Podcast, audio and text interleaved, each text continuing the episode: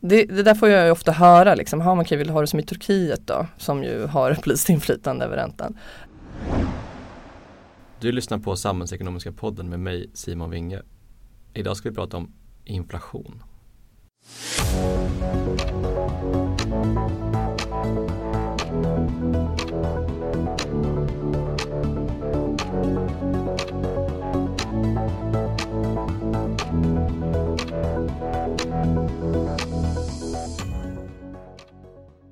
Hej och välkommen till Samhällsekonomiska podden som leds av mig Simon Winge, chefsekonom här på Akademikerförbundet SSR. Vår gäst idag är också en chefsekonom men på tankesmedjan Arena Idé och vill man höra ännu fler chefsekonomer så har vi poddat med LOs tidigare chefsekonom Laura Hartman, SKRs chefsekonom Annika Wallenskog och dåvarande Svenskt Näringslivs chefsekonom Bettina Kashefi. Så det är en chefsekonoms ekonompodd här. Bred flora av chefsekonomer. Absolut, men välkommen hit Elinor Odeberg. Tack så jättemycket, kul att vara här. Och jag får det till ungefär att du har ett år på ditt chefsekonomsjobb nu och du har hunnit med ganska mycket. Du startade upp en egen podd, du kan få göra reklam för den lite senare. Du har skrivit ett gäng debattartiklar, inte minst på DN Debatt som är eh, nummer ett i vår bransch och haft en seminarieserie med riksbankschefer, generaldirektörer och lite annat löst folk. Men det är inte därför som du är här, eller hur? Utan jag tänkte att vi skulle prata om din nya bok här som jag håller i min hand. Eh, vad är det du har skrivit? Jag har skrivit en bok om inflation eh, idag och historiskt och hur vi har bekämpat inflation idag och historiskt. Och den heter då Dyrtider. Så bekämpar vi inflationen. Och, eh, dyrtider är ett sånt här gammalt svenskt ord eh, för, för kärva tider, eh, torftiga tider. Eh, där man måste inskränka sig till det nödvändigaste och det tror jag är någonting som många hushåll har känt av eh, det här senaste året när priserna har stigit väldigt kraftigt på ett sätt som vi inte har sett på tre decennier. Och vi har ju samtidigt bekämpat eller försökt bekämpa då den här inflationen genom att eh, fattiggöra oss själva ännu mer genom att höja räntan med över 400% för normhushållet med, med rörlig ränta. Eh, och jag var lite fundersam kan man säga kring just den här strategin att problemet med inflation är att vi, den gör oss fattigare och så ska vi bekämpa det genom att göra oss själva ännu fattigare. Och då ställde jag mig lite frågan till vad är då vunnet och finns det andra mindre smärtsamma sätt för hushåll, företag och för svensk ekonomi i allmänhet att bekämpa inflation. Eh, och resultatet är då den här boken. Men det är många som tycker om inflation. Vad är det du skriver som inte redan andra har sagt?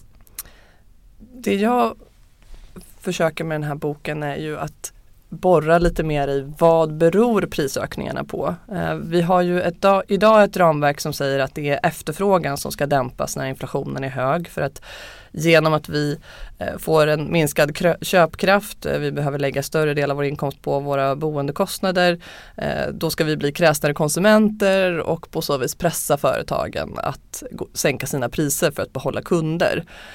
Och det här är ju egentligen ett väldigt marknadsoptimistiskt sätt att se på inflationsbekämpning där man tänker sig en perfekt marknad där företag genast reagerar på förändringar i efterfrågan. Och det vi i själva verket har sett är ju att priserna har gått upp mest på varor som vi inte kan avstå. Vi kan inte låta bli att värma upp huset, vi kan inte låta bli att ta oss till jobbet, vi kan inte låta bli att äta. Eh, och som domineras av företag som har en, en marknadsledande ställning eh, helt enkelt. Eh, där det inte är en så stark konkurrens. Vilket ju förstås hänger ihop med att vi inte kan avstå de här varorna och tjänsterna på samma sätt som vi kanske kan med andra varor.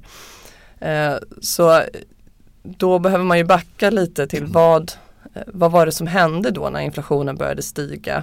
Eh, då jobbade jag på Finansdepartementet och vi fick ju tidigt prognoser för hur inflationen skulle utveckla sig. Och en viktig nyckelfaktor var ju den ryska gasen till Europa. Eh, och eh, prognoserna löd ungefär att om den ryska gasen stryps med 30 så hamnar vi på en inflation på 5% stryps den med 70% hamnar vi på 7% inflation och stryps den helt så hamnar vi över 10 och det var där vi också hamnade. Och jag tror att vi kommer se tillbaka på den här perioden och det är också det jag hoppas åstadkomma med boken. Att hur kunde vi tro att det var svenska boräntor som skulle lösa en europeisk energikris? Eh, varför gick vi inte in och försökte då få ner elpriset på olika sätt både genom regleringen, reglering av prissättningen men också genom att försöka öka produktionen vilket ju förstås hela Europa har ägnat all tid och kraft åt eh, sen Ryssland invaderade Ukraina. Eh, och att mycket av den inflation vi ser är helt enkelt ett importerat problem. Det är inte svenska hushålls köpkraft som förklarar de här prisökningarna eh, till största delen i varje fall. På vissa varor och tjänster kan det säkert vara det men det var inte det som var drivkraften. Du är ju ekonomhistoriker i grunden och jag, eh, när jag läser boken så förstår jag en av dina poänger är att det här sättet som du beskriver det skiljer sig hur vi har gjort tidigare i historien, eller i alla fall under det här 1900-talet. Så.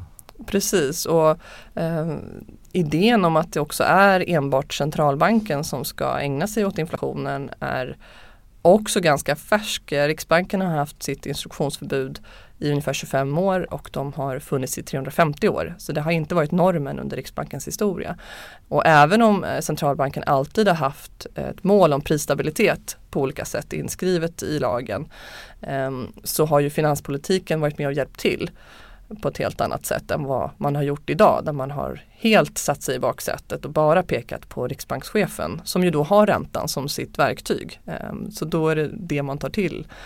På 70-talet till exempel när vi hade en hög inflation, också då i kölvattnet av, av krig och konflikt, ehm, då i Mellanöstern och oljesanktioner som följde och eh, upptrissade oljepriser som blev konsekvensen av det. Då gjorde ju Sverige stora energieffektiviseringsåtgärder. Alla som beklagar sig över små fönster eh, på hus som är byggda sent 70-tal är ju det är en konsekvens av den eh, politiken för att minska energikostnaderna och på så vis också minska sårbarheten för höga energipriser. Man bytte ut eh, oljepannor mot eh, fjärrvärme, eh, stora kommunala satsningar på att bygga ut fjärrvärmenätet. Man byggde ut kärnkraften, tycker vad man vill om den, med både offensiv finanspolitik och genom att hålla räntan låg på politisk väg. Så att finanspolitiken hade styråran på ett helt annat sätt och gick in mer i, här var det då energipriserna som var den utlösande faktorn. då behövde man lösa Eh, sårbarheten för ökade energipriser. Och den typen av beredskapstänkande har vi ju helt tappat här. Och det som oroar mig är att vi kan ju få en ny prischock på energi. Ska vi då igen eh, ha en sån här räntechock för hushållen? Eh, eller ska vi faktiskt börja diskutera vilka priser är det som ökar och varför och hur kommer vi åt det? Just det, så det är ett försök kan man säga att få in andra perspektiv i debatten och, och det kanske är värt att prata lite om debatten här nu. För jag lyssnade också på er nya podd och då tar Pengar ni och politik. Här, exakt, du kan få göra reklam för den sen. Eh, då tar ni upp det här med att om man frågar, om man radar upp experter i en tv-studio då så hittar man ofta individer vars arbetsgivare tjänar pengar på finansmarknaderna.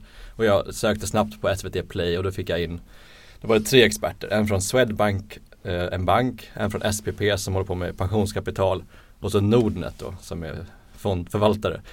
Eh, det här borde ju prägla, tror jag, vilka perspektiv som syns. Men varför har vi som då arbetstagarföreträdare misslyckats med att få in våra experter här tror du?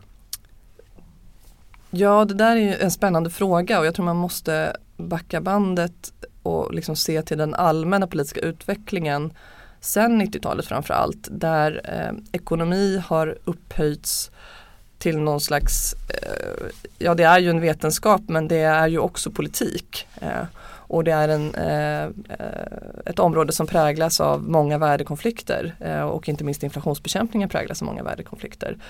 ska vi bekämpa inflationen till varje pris? Eh, är räntan det bästa verktyget? Vad får det för andra konsekvenser för bostadsbyggande och arbetslöshet?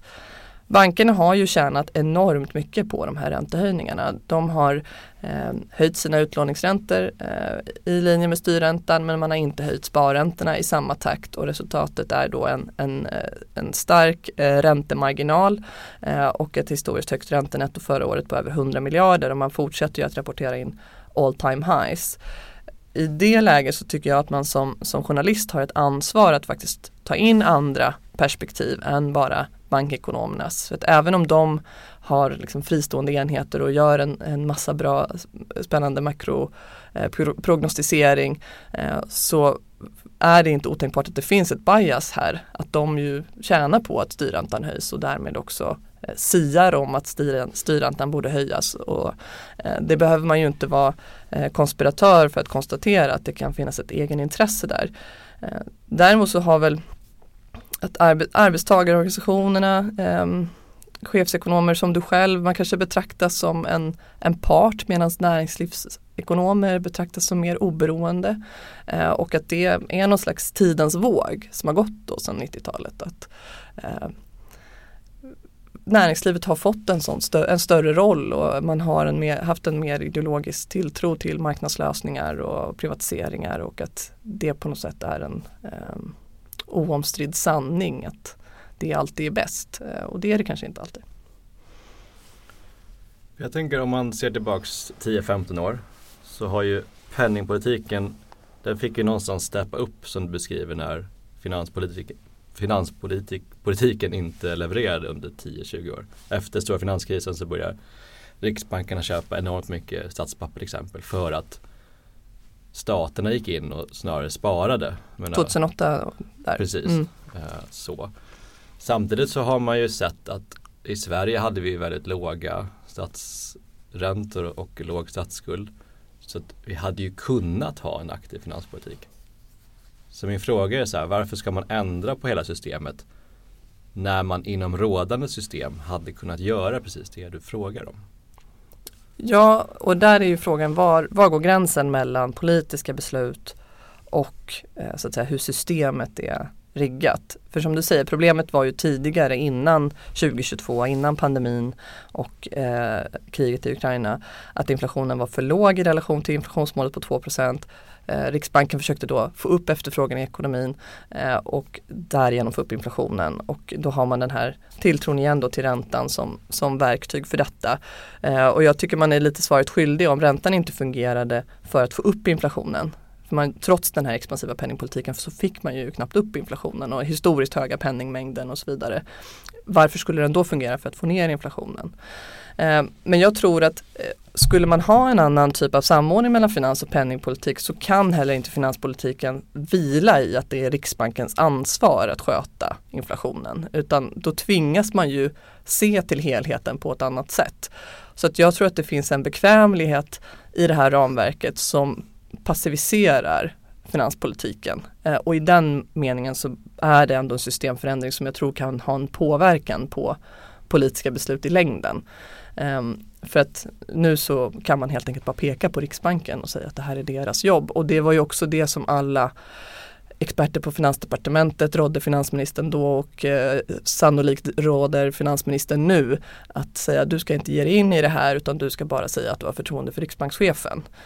Um, men det är ju en lärdom att eh, det hade ju varit bättre att få upp efterfrågan i ekonomin genom att satsa på att öka sysselsättningen eh, ordentligt, att höja ersättningsnivåer i, i våra skyddsnät, eh, att eh, eh satsa på bostadsbyggande, bredare eh, reformer. Eh, för det man missar både när man försöker få upp inflationen och nu när man försöker få ner den är ju att det spelar roll hur utgifter fördelar sig i ekonomin. Eh, man, det spelar roll om vi satsar på eh, att bygga ut eh, järnväg eller om vi eh, liksom startar ett krig. Eh, liksom det, är, det är inte så att det är utgiften som är Eh, det viktiga för att förstå vad det får för effekt på inflationen. Det är vad utgiften finansierar som är det viktiga för att förstå vad det får för effekt på inflationen. Eh, och det var ju varför penningpolitiken misslyckades med att få upp inflationen. Ja, det fick upp boendepriser, det fick, fick upp eh, tillgångspriser, tillgångsinflationen som de ju för övrigt inte tar hänsyn till i sitt inflationsmått. Eh, men det fick inte upp efterfrågan brett i ekonomin. Eh, så det, det, är lite ett stenkast från eh, trickle down economics, vilket jag skriver i, i boken också. att idén om att ja, du sänker skatten för de rikaste så kommer det på något sätt sippra ner till liksom resten av befolkningen. Eh, du kan ha en mindre summa pengar som om de fördelar sig mer rättvist eh, eller mer jämlikt kan få en större efterfrågeeffekt än eh, om det är en större summa pengar men som bara går till liksom den rikaste en procenten som investerar i fonder eller istället. Och lägger pengarna på hög slarvigt uttryckt. Men om jag ska vara djävulens advokat här då, då så har vi ändå nu en arbetslöshet som inte gått upp så mycket trots den här rekordhöjningen i ränta du pratar om. Och man hör en del som säger då lite nästan triumferande att vi fick faktiskt en så kallad mjuklandning där inflationen nu verkar minska. Det pekar mycket på. Men utan att den reala ekonomin egentligen tog så mycket stryk. Jag tror att det är för tidigt att säga vart det här barkar. Det finns ändå eh, oroligheter på till exempel eh, fastighetsmarknaden, tyska fastighetsmarknaden nu till exempel, som kan få konsekvenser.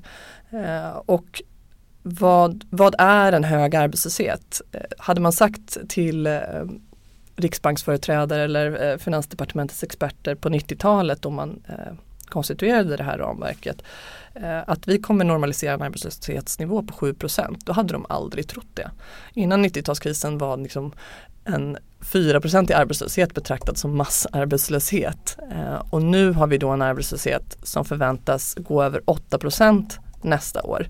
Och det är väldigt högt, även om vi tar hänsyn till eh, sysselsättning och arbetskraftstilltagande och så, så är det eh, omotiverat högt eh, för Sverige och ett stort samhällsproblem och skulle jag vilja argumentera för ett större samhällsproblem än om inflationen är 4 eller 2 procent.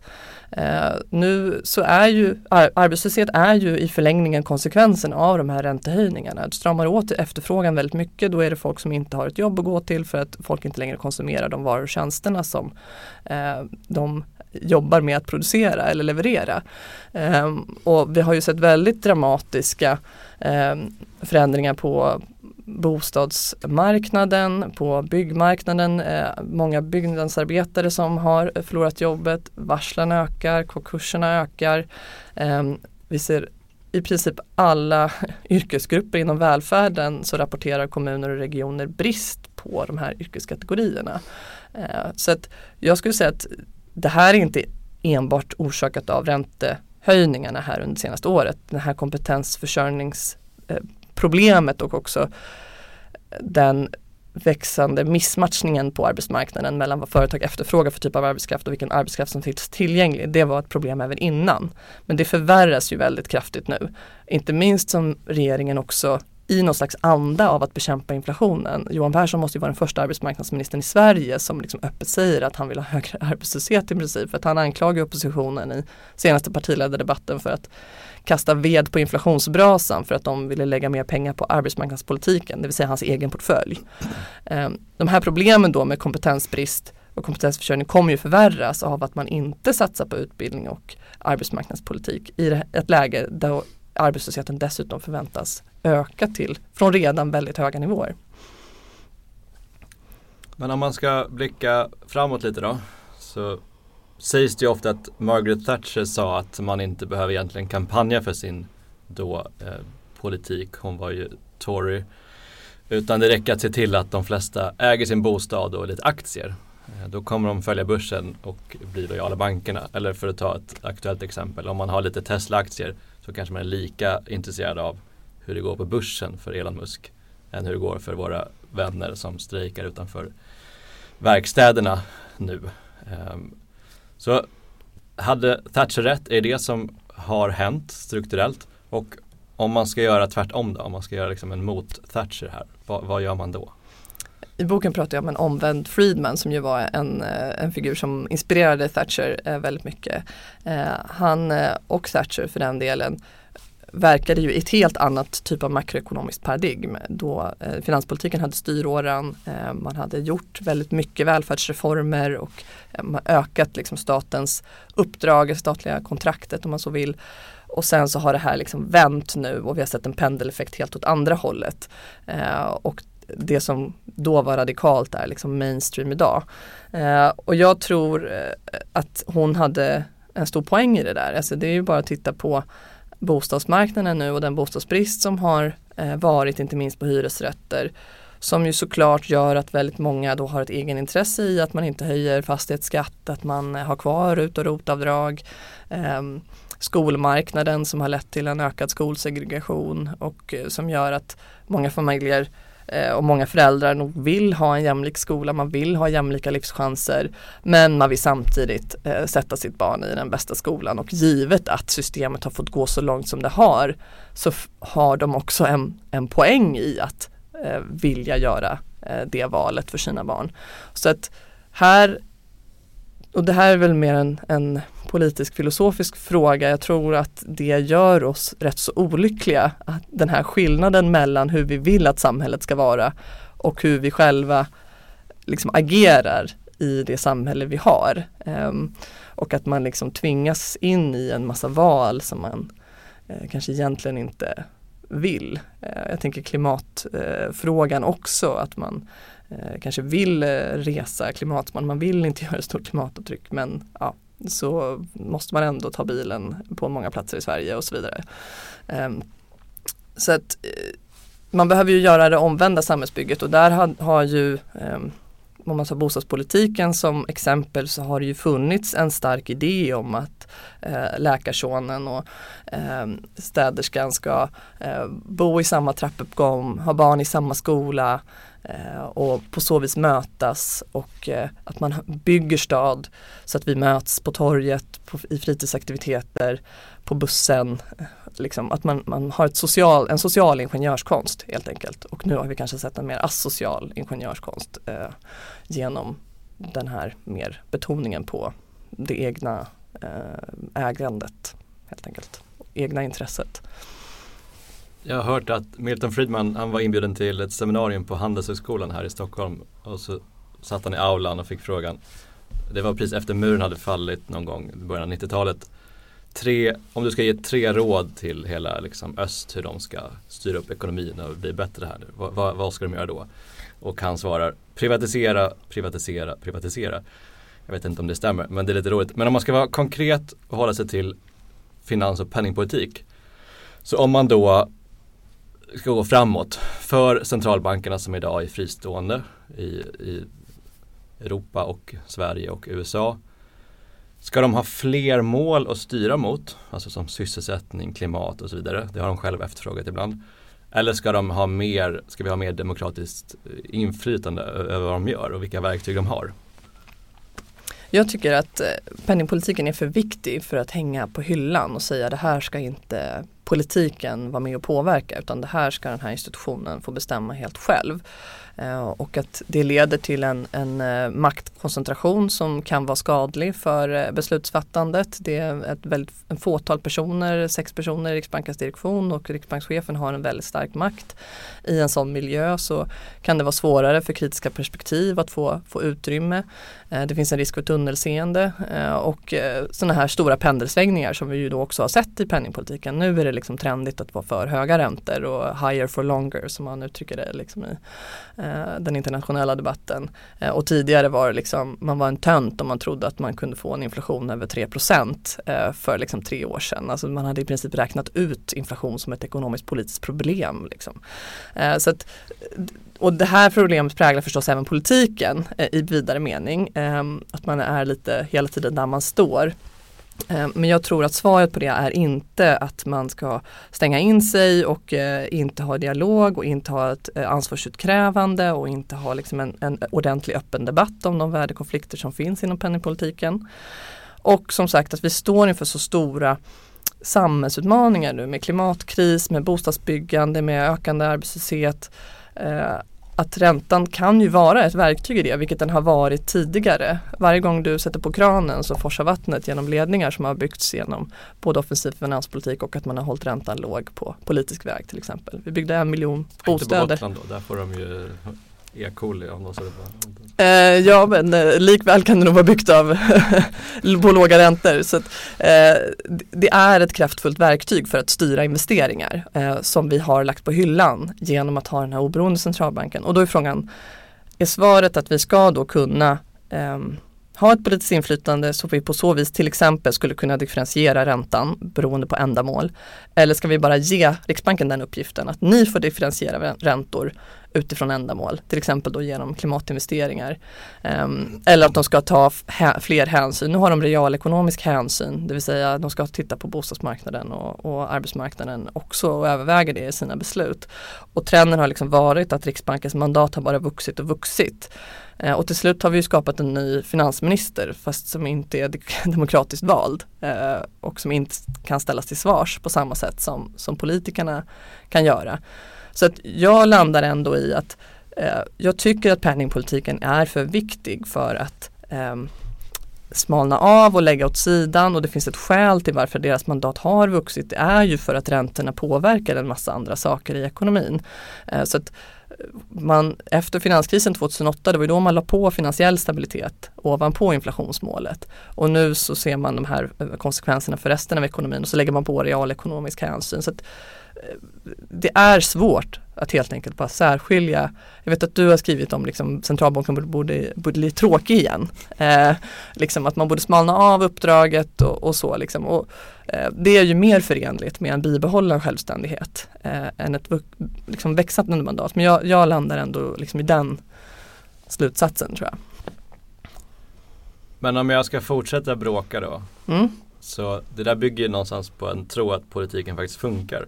Och så kollar man runt här i, inom EU här. Då har vi liksom ECB, Europeiska centralbanken.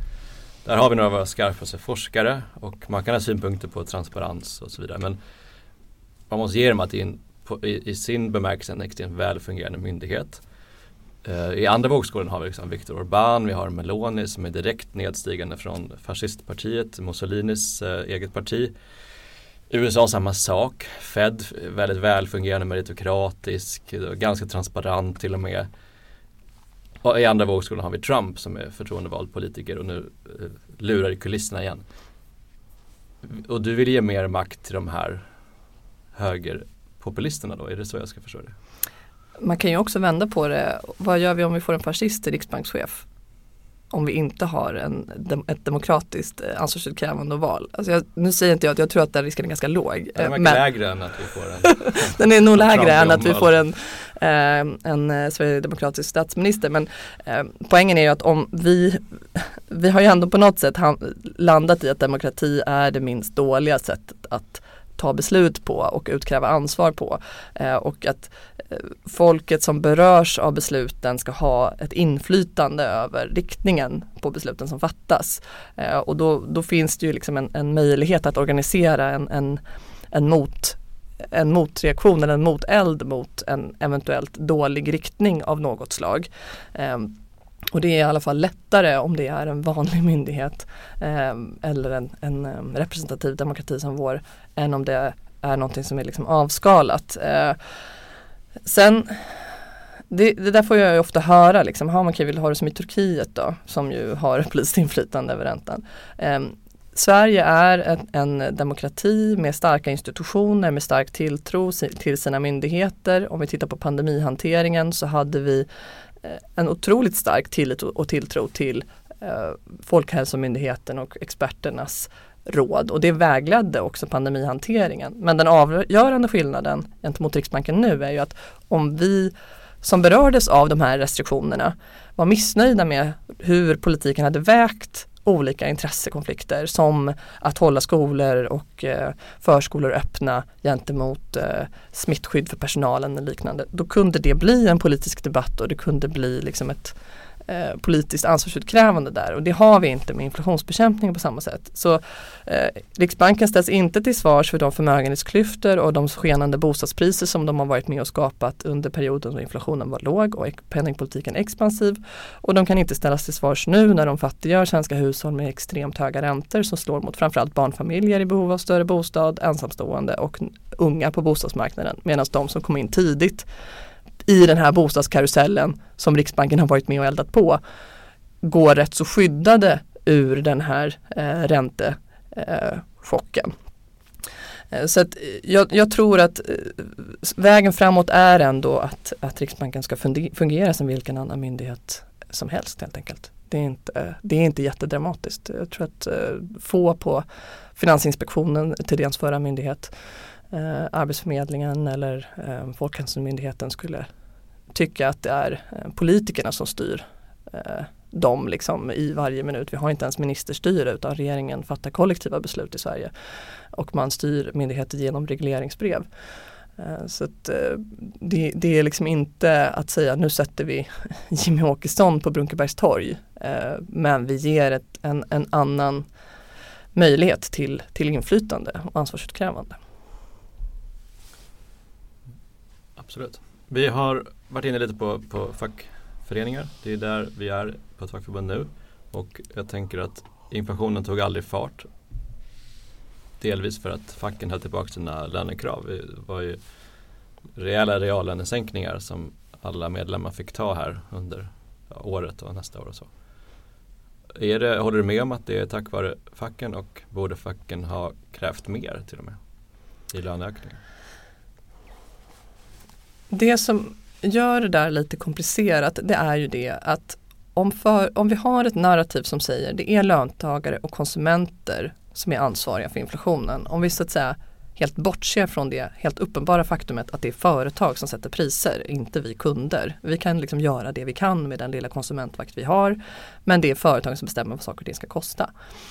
Om man då har en berättelse om att dels då räntan ska höjas, det är köpkraften som ska stramas åt alldeles oavsett om det är en utbudsstörning som har orsakat prisökningarna eh, från första början.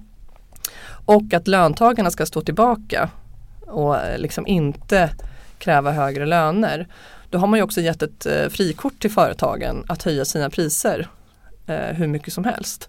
Därför att det som har hänt nu är ju att företagen har gjort väldigt stora vinster på den här inflationen. Och det beror ju på att det har ökat inflationsförväntningarna i ekonomin. Man har kunnat komma undan med att höja priset på ett annat sätt. Man har också kunnat följa, följas åt på sådana här oligopolmarknader som vi har inom till exempel dagligvaruhandel och banker och eh, liknande.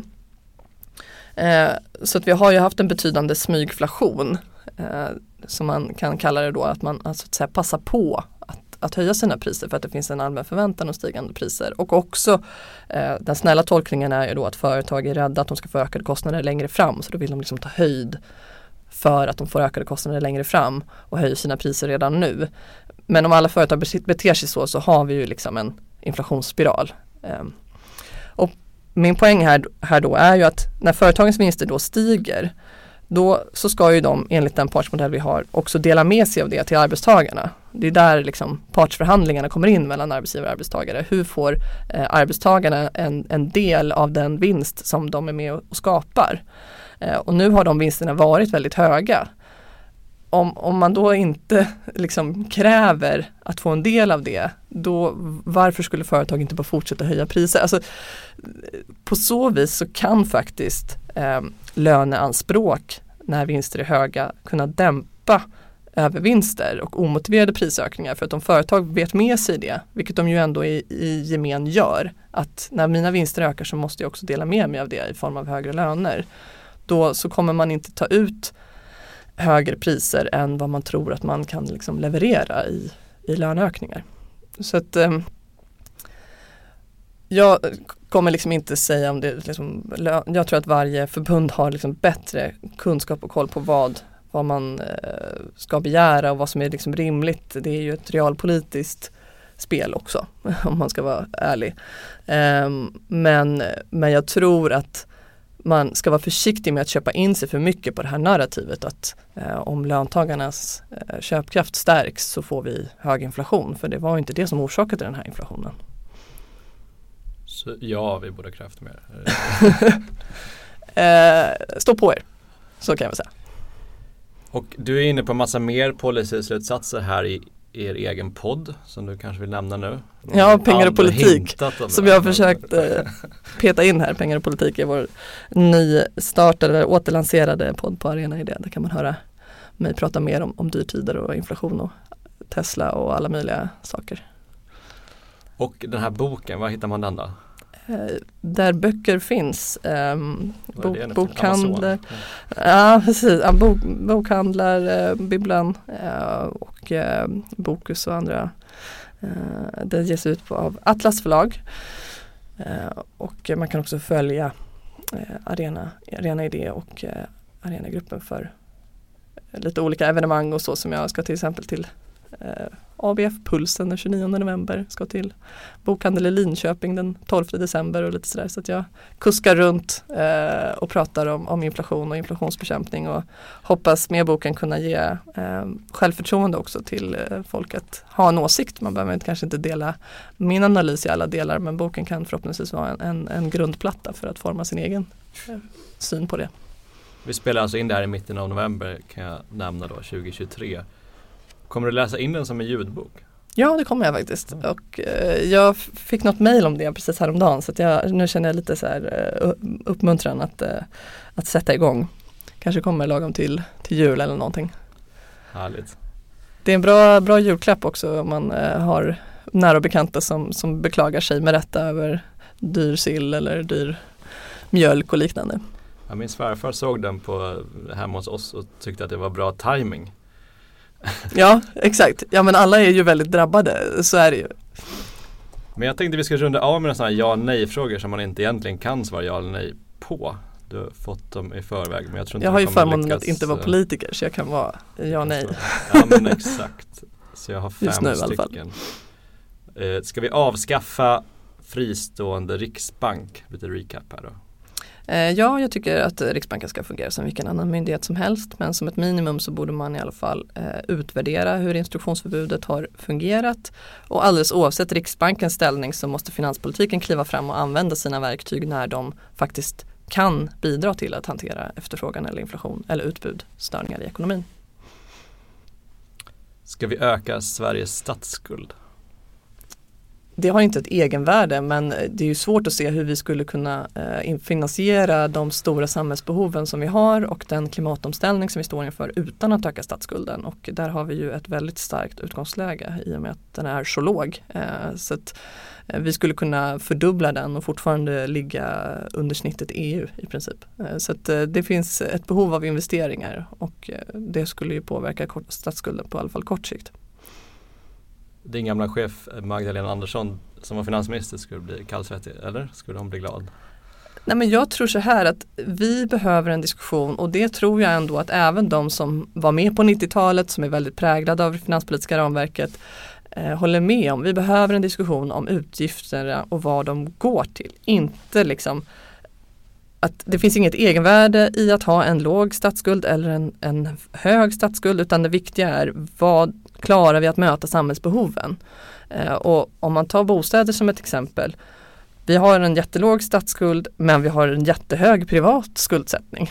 Eh, så att någonstans ska ju hela tiden pengarna komma ifrån. Antingen då privat kapital från företag eller från hushåll eller från staten. Eh, och nu tycker jag vi har en, en för skev fördelning där för mycket är, eh, inte minst i bostadsfrågan, är överskjutet på, på hushållen. Eh, och där behöver staten ta ett större ansvar för just kollektiva nyttigheter som tak över huvudet är. En till fråga som får en sosse som var med på 00-talet och blev svettig. Ska vi gå med i euron eller inte? Nej, jag tror det är mycket svårare att jobba för en demokratisk eh, europeisk centralbank än en demokratisk riksbank. Eh, så jag tror att det är inte kronan det är fel på, det är politiken. Men jag menar vi har haft en eh, riksbank som har gjort ungefär exakt samma sak som ECB. Det är det jag menar, att det är inte kronan det är fel på utan det är politiken. Vi har ju möjlighet att avvika i och med att vi har vår egen centralbank. Vi har möjlighet att också underställa vår centralbank penning, eh, eh samhällsviktiga mål på ett annat sätt än, än eh, ECB. Det är ju svårt att få ihop en demokratisk penningpolitik med 20 någonting medlemsländer. Apropå Orban Meloni spåret som du var inne på tidigare. Eh, vi, vi är ju ett litet land, en liten ekonomi och har en liksom, konsensusorienterad politisk debatt i allmänhet. Så att jag tror att det finns helt andra förutsättningar för en ekonomisk politik som, som drar åt samma håll här. Och jag pratar ju ofta om att liksom räntan är för hög men i, det är egentligen det centrala är egentligen inte räntenivån. Skulle vi ha en samordnad penning och finanspolitik så skulle vi ju i teorin kunna höja räntan till och med mer än andra centralbanker om vi skulle bedöma att det var nödvändigt av eh, valutaskäl till exempel. Men då måste ju finanspolitiken vara med och stötta upp i så fall eh, och liksom ta bort amorteringskrav, eh, hitta sätt att skydda hushåll från väldigt höga boendekostnader, eh, ha kreditgarantier på bostadsmarknaden så vi inte får en fastighetskris. Alltså, om, om man hade en samordning så skulle du ju kunna både ha en lägre och en högre räntenivå än till exempel amerikanska och europeiska centralbanken har. Och eftersom du blickar tillbaka på institutioner som vi hade under andra halvan av 1900-talet. Där var ju förutom då kapitalregleringar och priskontroller bland annat så hade vi också en bärande pelare som var att vi hade valuta, en fast valutakurs. Är det en väg framåt? Och det där är en jättesvår fråga. Det är väl den enda som jag inte kan svara ja och nej på. Ehm, det är ju ett undantag att vi har gått en så här lång period Eh, utan en fast växelkurs. Så när vi har släppt växelkursen fri så har det ofta varit i liksom turbulenta tider, eh, krig och kriser.